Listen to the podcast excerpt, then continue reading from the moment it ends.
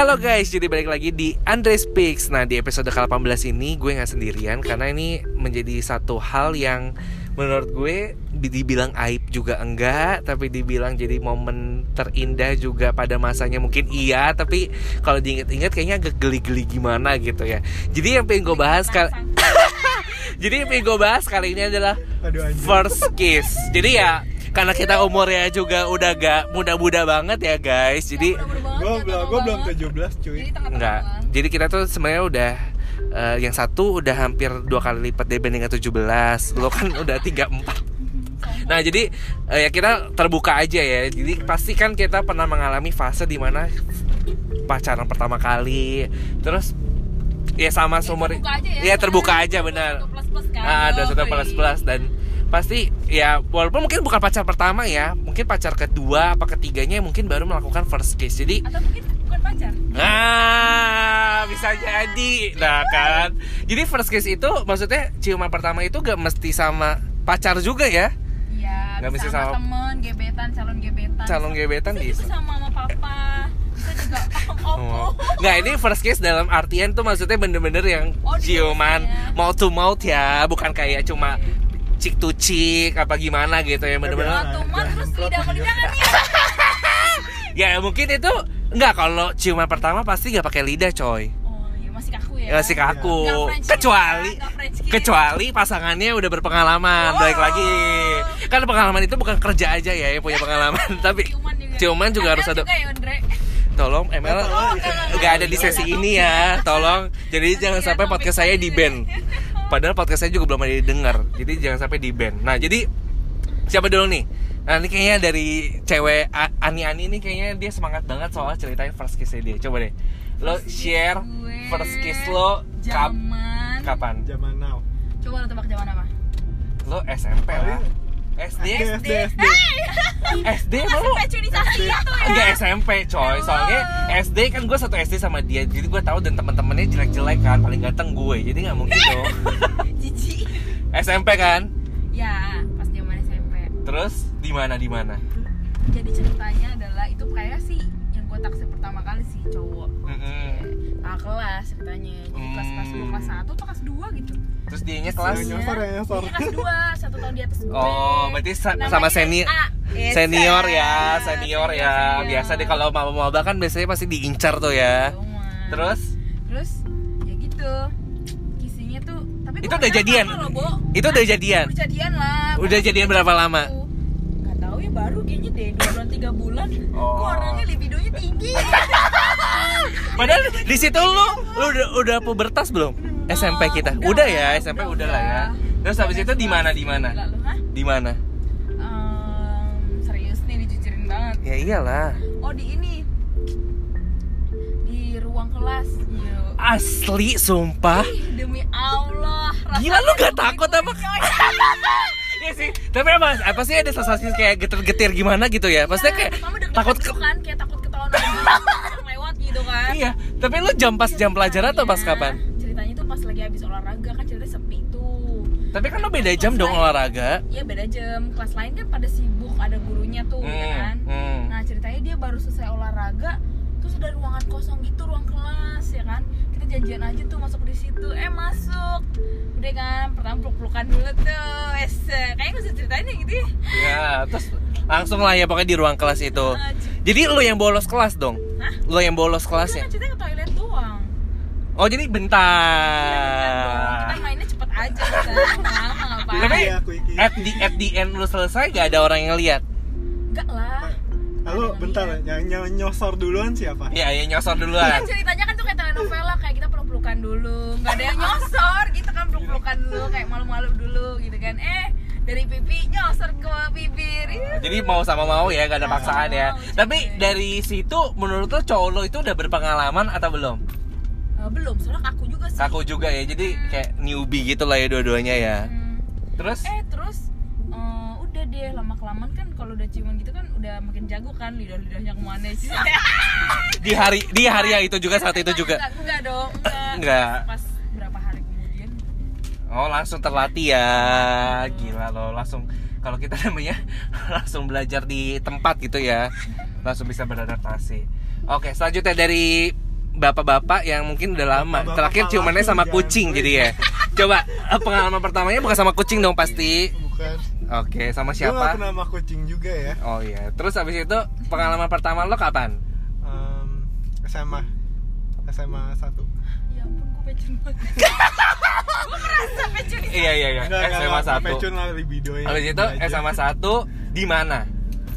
sama di kelas Sumpah, ih gila kalian pada berani-berani banget ya. Eh, kalau bingung dia- loh. Kalau dia kan jam pelajaran, Ah. gue beda. Lo jam? Gue habis pulang.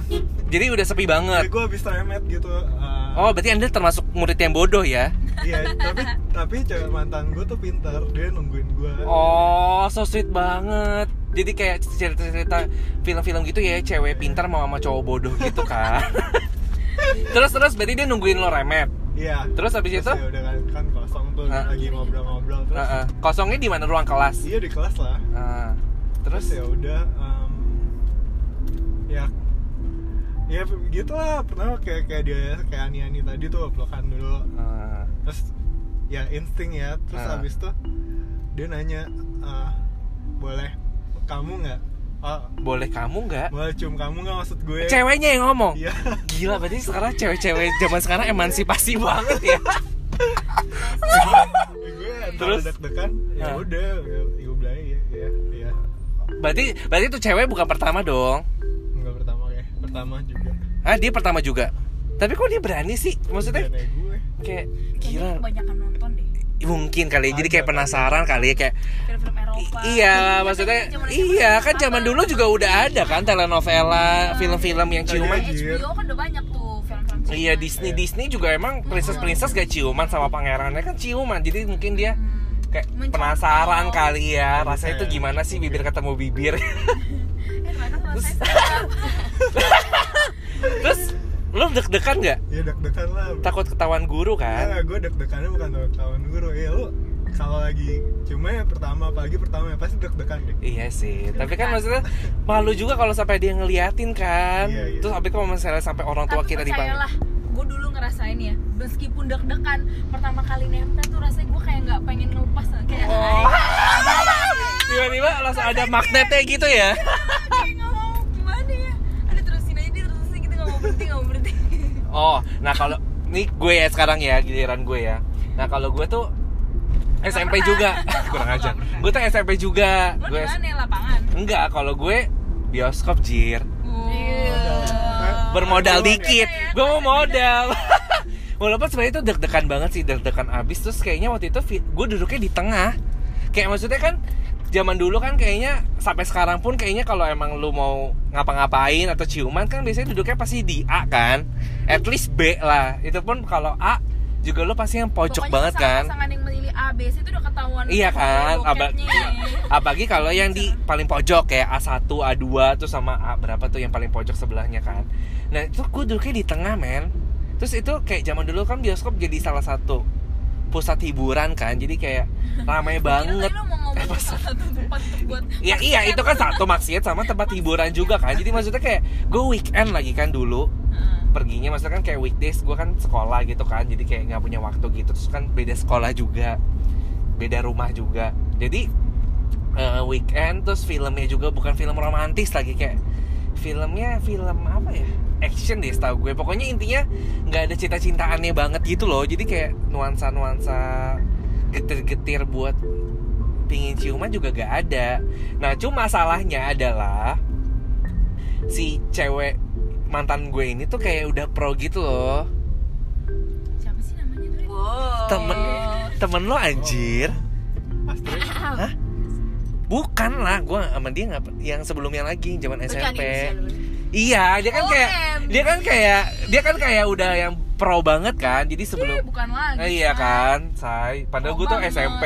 Kayak dia banget, SMP juga, dia seangkatan sama kita kan. Iya. Tapi kayak dia tuh udah super duper pro banget. Jadi waktu gue lagi nonton, ya paling kan eh, seberani beraninya cuma pegangan tangan kali ya, pegangan tangan terus paling ngerangkulan gitu kan. Terus ya biasa dia terus tiba-tiba dia tuh kayak apa namanya? Eh ngendu, apa ngendus ngendus lagi apa sih namanya? Apa sih kayak gelendotan gitu ya, gelendotan tuh sambil gesek-gesek rambutnya di pundak gue kan pasti Gesek-gesek anunya. ya risih dong. Maksudnya pasti kan? Deg-deg dong libido lu.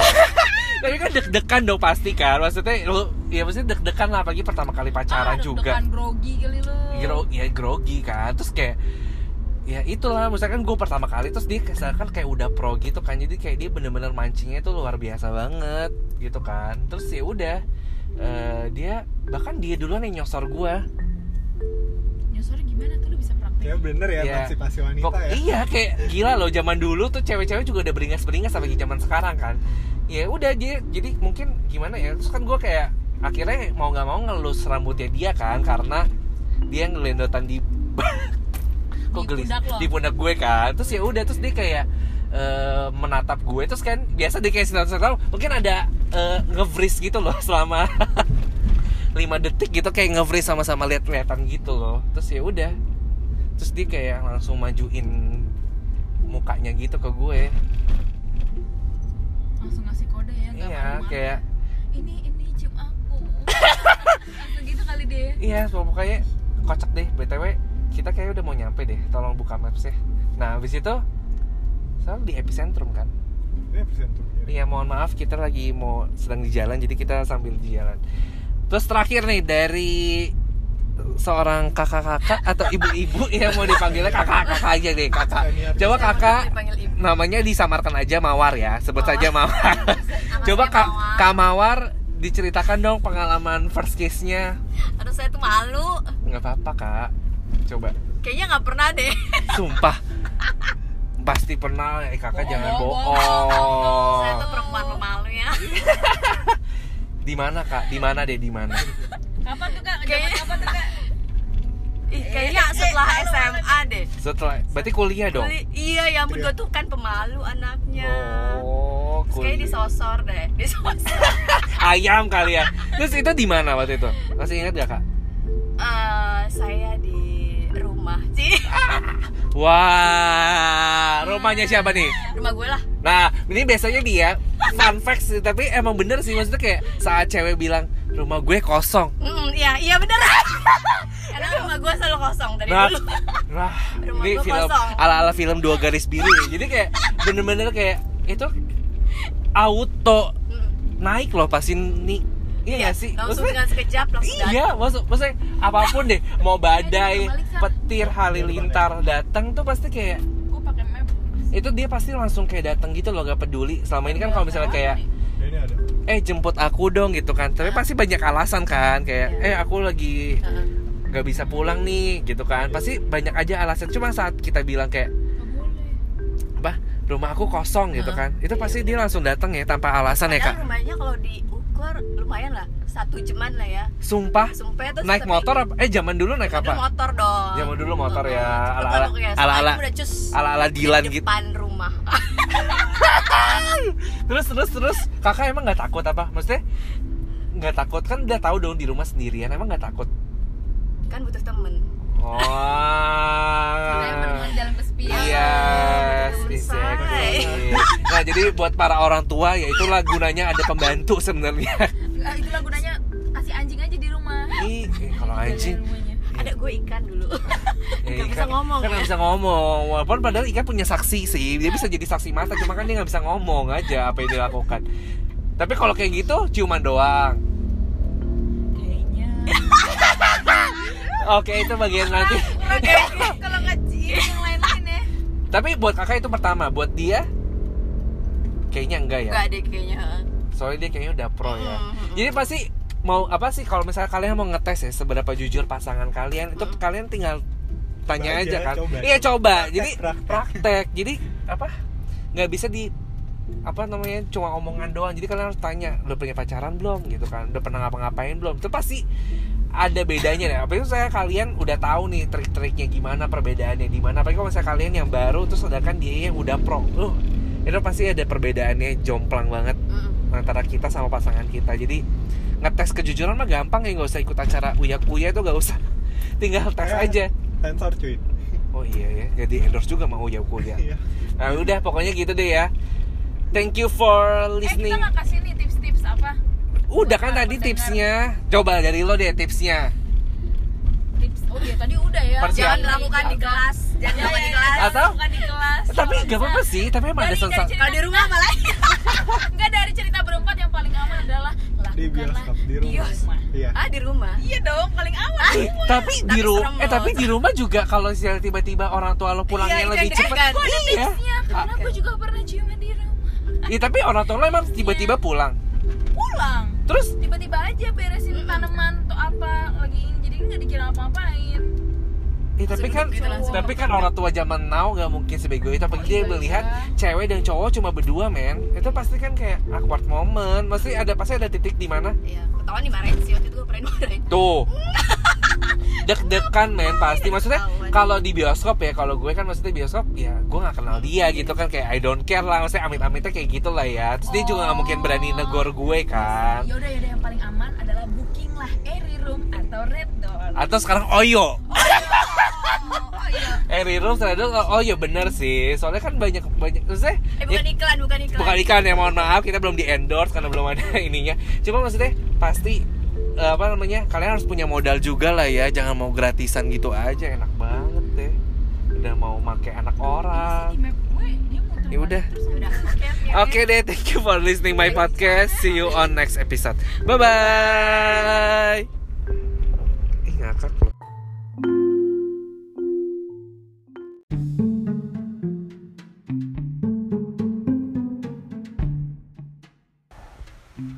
Hello guys, welcome back to Andre Speaks. Nah di episode ke-20 ini. Anjir, udah 20 aja Gile, gak berasa.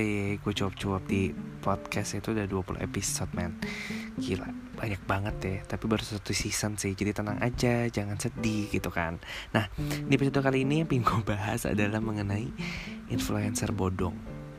Aduh, ini bikin gue geram Dan aduh gue pingin banyak banget hal ini kayak bisa jadi dua part atau gue gak ngerti bakal seberapa panjang karena unek-unek gue cukup banyak mengenai influencer bodong dan kondisi sekarang di sosial media itu seperti apa. Sangat-sangat benar-benar berubah drastis luar biasa banget persaing persaingannya. Kayak semua orang berebutan ingin punya followers yang banyak. Wow amazing. Eh salah satunya emang gue juga pingin punya followers banyak tapi nggak dengan cara yang freak mur murahan atau apa pun itulah ya.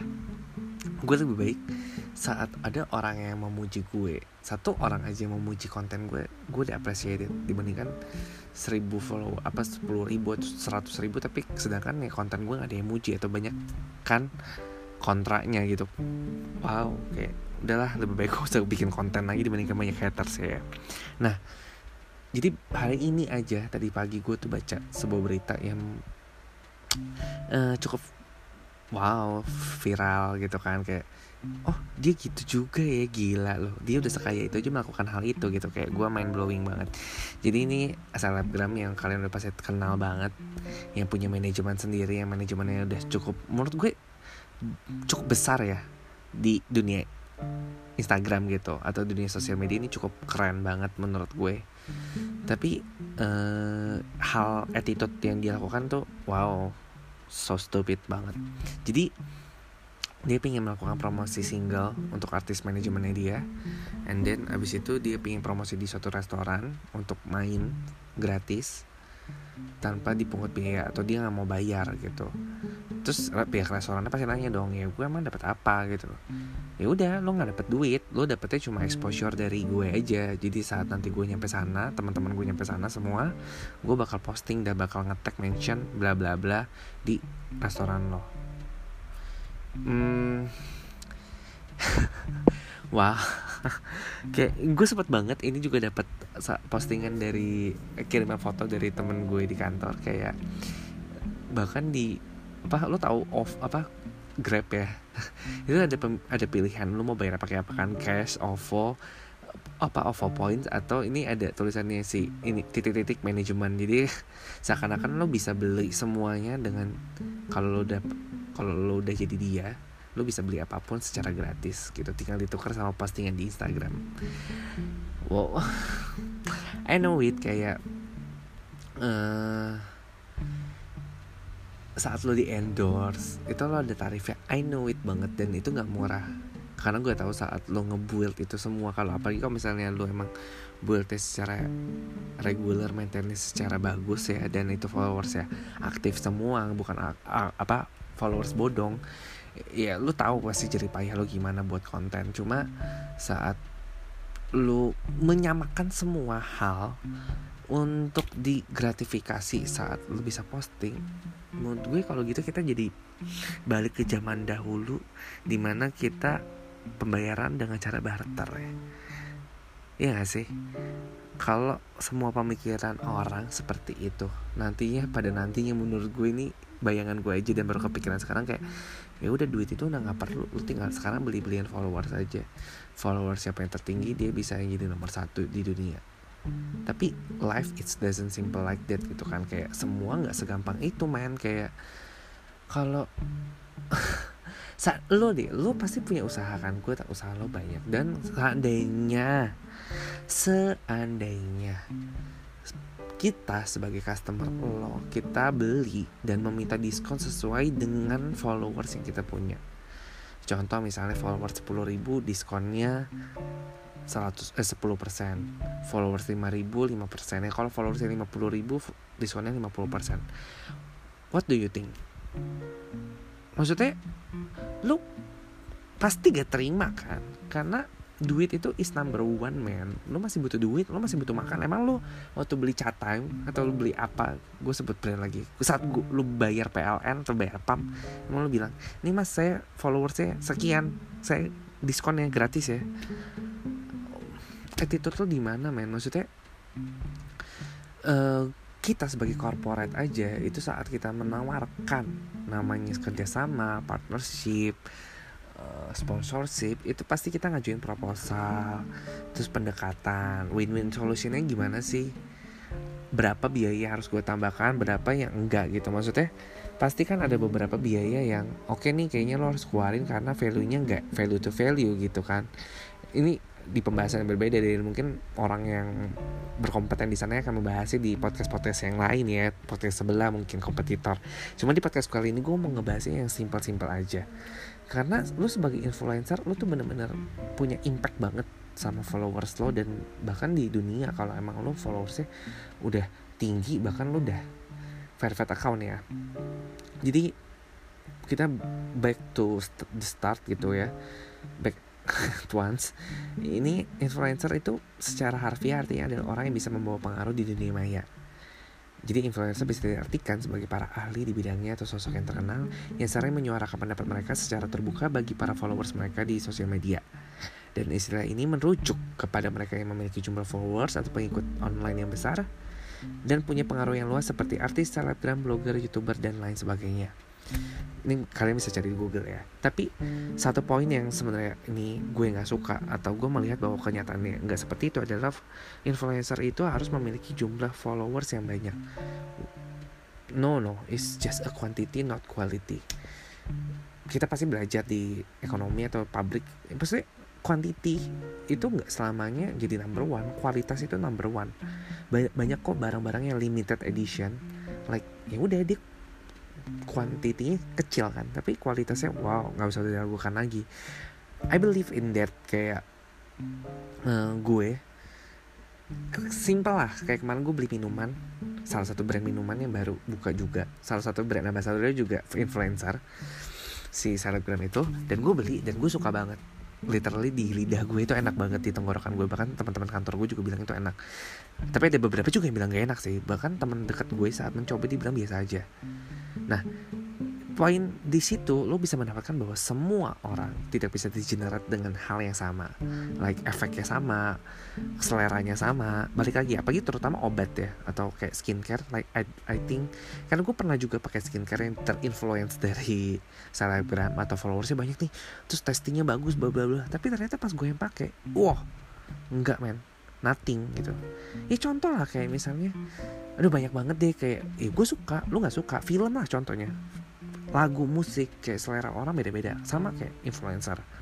Saat lo mereview suatu barang kita tuh sebagai manusia ya oke lu terinfluence tapi lo harus bijak dalam memilih. Atau kalau gue pribadi gue adalah gue orang yang lebih suka untuk mencoba sendiri dibandingkan gue dengar kata orang lain atau kayak gue kemakan omongan. Atau gue kalau mati penasaran banget ya lebih baik gue beli. Tapi gue gak bakal repeat order kalau emang itu gak enak. Tapi kalau itu enak itu pasti gue bakal update. Gak enak pun gue sempat update sih. Gue itu pernah makan sushi yang murah tapi bener-bener gak enak banget. Sega enak itu sampai gue update status dan marah-marah. Itu karena gak enak banget man parah. Sampai gue marah-marah. Sampai gue mention kok si pihak restorannya sampai orang-orang bilang gue jahat tapi itulah gue. Saat gue makan tidak dibayar atau tidak terikat oleh apa pun baik secara company misalnya lo kerja di suatu company baik secara brand atau restorannya atau sebagai secara owner itu siapa lo itu lo pasti makan tuh lebih jujur apa adanya dan lo bisa menikmati makanan itu secara real. Kayak makanan itu enak itu lu bener-bener rasa enaknya bener-bener. Tapi kalau lu makan enak di depan kamera itu pasti rasanya beda. Lu cobain sendiri deh. Apalagi buat kalian yang nggak pede ya karena gue merasakan banget. Ini makanannya enak tapi saat lu harus berhadapan di depan kamera terus dipacu dengan waktu durasi terus makanannya juga udah dingin setengah dingin karena nunggu waktu syuting foto video bla bla bla. Belum ada kalau ada cut cut cut ada yang salah ditambah dengan lo harus ngafalin skrip. Gue benci banget sama influencer yang kayak oke okay, gue nge-review ini tapi tanpa tahu asal usul brandnya asal usul pemiliknya asal usul apanya ingredients ya dulu kalau saat gue mereview suatu makanan itu pasti gue research dulu. At least asal makanan itu dari mana yang punya siapa restorannya punya histori apa keunikan di restoran itu apa yang bisa gue angkat itu pasti gue research dulu. At least satu hari sebelum atau dua hari sebelum itu pasti gue udah research gue bikin bikin poin-poin pentingnya poin-poin highlightnya apa yang harus gue sampaikan gitu. Tapi di ini saat in the real kalau lu bilang review gue jujur tapi lu di endorse it's re really really bullshit bullshitnya tuh kayak bull spasi shit tanda seru tiga. Karena aduh lu gak mak lu apa ya? Lu pasti punya keter, keterikatan kan? Maksudnya lu dikasih makanan gratis itu satu. Yang kedua lo lagi di samping manajernya atau ownernya bahkan atau si artisnya wah lu sih tekanan batin sih di situ. Antara lu mau bilang gak enak. Karena gue pernah di posisi itu. Di posisi di mana makanan itu gak enak tapi ada manajernya. Ada orang lain yang nonton banyak dan bahkan gue tuh memikirkan penontonnya. Memikirkan kelanjutan usaha si restoran ini. Kalau sampai gue bilang salah ngomong itu bakal mempengaruhi omsetnya dia dan bisa jadi jangan-jangan mereka ngelaporin ke hukum kan? Karena banyak banget ada brand-brand juga yang kayak keke gak mau dibilang gak enak gitu. Padahal dia nggak tidak mau koreksi padahal emang tidak enak gitu. Tapi gue nggak suka banget sama statement sama influencer yang kayak reviewnya jujur gue udah pakai ini berkali kali oh shit man. It's bullshit man. Karena nggak mungkin lu berani berkata kasar saat lu dikasih makan gratis. Beda ya. ini contoh kayak gue atau makan roti mama Nia itu sempet yang bikin gue viral banget. Dan itu emang gue beli sendiri jadi gue berhak untuk bilang itu nggak enak. Tapi seandainya seandainya deh pada saat itu ada posisinya roti mamanya itu endorse gue I don't think so kayak gue bisa melakukan hal itu. Maksudnya bisa membilang itu jelek dengan mungkin bagi beberapa orang ada yang bilang kasar ya. Padahal gue udah ngomong sehalus mungkin loh gue adalah tipikal waktu itu dikenal sebagai food reviewer yang kalau dibilang apa kalau gue bilang gak enak ya udah. Tapi gue ngomong dengan cara yang lembut atau halus saya lebih tepatnya. Gak mungkin kan? Karena gue juga gak respect sih saat sama orang influencer yang ngatain itu sampai lebay banget kayak ah gak enak banget nih makannya kayak tak gitu kan. Ah, ah gitu kan. Terus makannya kayak sampah gitu kan seandainya lu di posisi yang punya restoran juga lu bakal sakit hati kan? Oke okay, correct me if I wrong gitu kan? Bener lu ngasih nilai gue tuh buat kemajuan usaha gue tapi kan lu bisa in, secara personal kan? Atau ya lu reviewnya lebih baik gitu loh. Maksudnya gunakan bahasa yang lebih baik. Toh orang pun bakal mengerti kok kalau makan itu gak enak. Dan menurut gue usaha-usaha yang gak enak itu pasti bakal ada. Naik turunnya kok contoh deh ya. Ki- sebut merek lagi ya. Kayak contohnya kayak minuman mangga itu yang sempat viral banget sampai ngantein berjam-jam sekarang apa? Sepi juga kan? Ya udah gitu. Ting- kita tinggal lihat waktu. Karena gue pun minum minuman boba yang zaman sekarang gue coba. Salah satunya ke mana tuh Thai Ale gue coba di Cepet dan itu benar-benar gak enak. Bagi gue dengan harga segitu ya. Jadi kayak eh, nggak usah lu bilang review jujur padahal lu nggak jujur. Satu. Terus yang kedua jangan sampai lu jilat ludah lu sendiri. Kalau gue adalah orang yang emang gue tidak pernah bilang kalau gue emang reviewnya jujur 100% tapi I try to review jujur. Dan nggak tahu kenapa emang setiap kali yang dikasih ke gue mungkin enak. Karena dia tahu kalau gue mau review ya gue nggak tahu at the end setelah gue review mungkin dia masaknya jadi gak pakai hati. Itu kan bisa jadi ya pengaruh kan. Tapi gue selalu pasti di belakang kamera itu pasti gue selalu ngasih tahu mereka gitu. Kayak ah kayaknya bu harus diganti ini deh atau ini kayaknya kurang ini deh bu atau kayaknya mesti ditambahin ini deh. Waktu itu bahkan gue sempat jadi konsultannya gitu kayak eh kalau gue bikin menu ini cocok gak ya? Terus kira-kira yang kurang apa nih? Gue harus tambahin apa? Proporsinya udah pas belum? Harganya udah pas belum? Gue jadi kayak food consultant kayak oke fine. Tapi it gitu. Gue suka karena it's my passion gitu. Karena gue suka makan dan gue suka mereview gitu. Gue suka juga membagikan informasi kepada orang lain. Tapi jangan sampai lu jadi influencer yang bodoh atau lu bodoh gitu. Maksudnya gini loh. Gue itu selalu berkaca sama diri gue sendiri. Lu punya apa sih? Apa yang lu bisa kasih ke restoran itu? Apa yang restoran itu bisa kasih ke gue?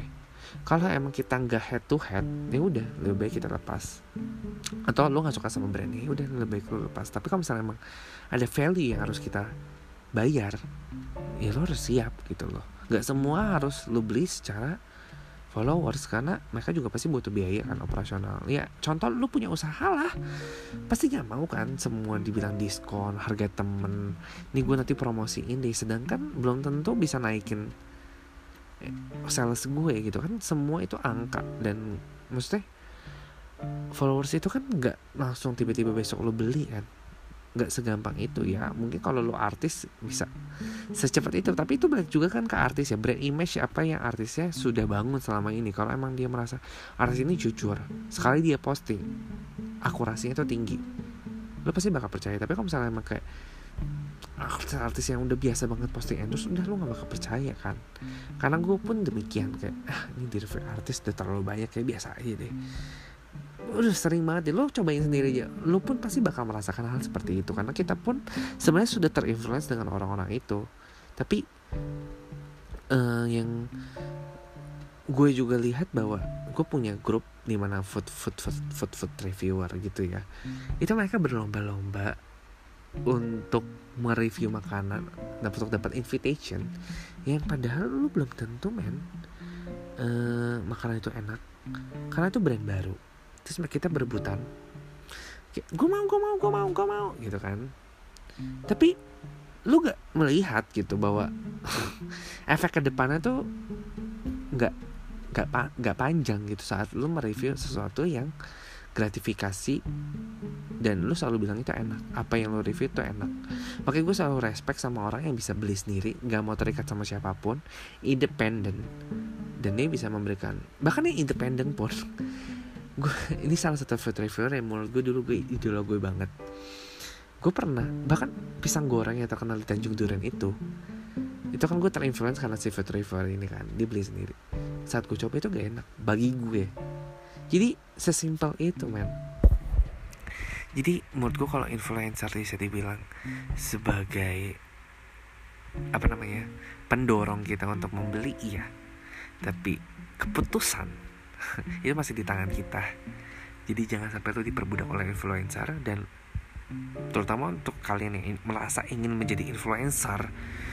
Oh kalian sumpah demi apa pun jangan sampai merusak brand image influencer yang Maksudnya gini loh Orang-orang kenapa beralih ke influencer? Karena artis-artis itu udah kita nggak percaya lagi.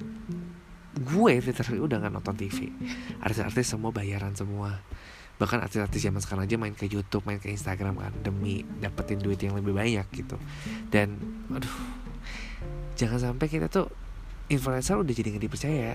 ini bakal ada masanya roda berputar sih nanti mungkin ada istilah pekerjaan baru lagi yang menurut gue harus punya emang benar-benar orang yang berkompeten di bidangnya orang-orang yang bisa berkata jujur. Iya atau tidak bisa memberikan nilai secara objektif atau tidak itu emang harus dibutuhkan banget sih sekarang ini. Karena kita semua udah kemakan oleh ya duit gitu loh. Maksudnya gak ada satupun yang jujur gak ada satupun yang bisa dikatakan jujur. Jujur nggak ada satupun yang bisa. Ya review-review itu semua bohong jadi kalian harus bersadar sekarang. Mumpung nih di podcast karena podcast gue juga belum di endorse satu kali pun. Jadi mohon untuk sadarkan diri anda. Dan bagi influencer-influencer semua tuh nggak ada yang instan man dan please kalian jangan bohongin followers kalian.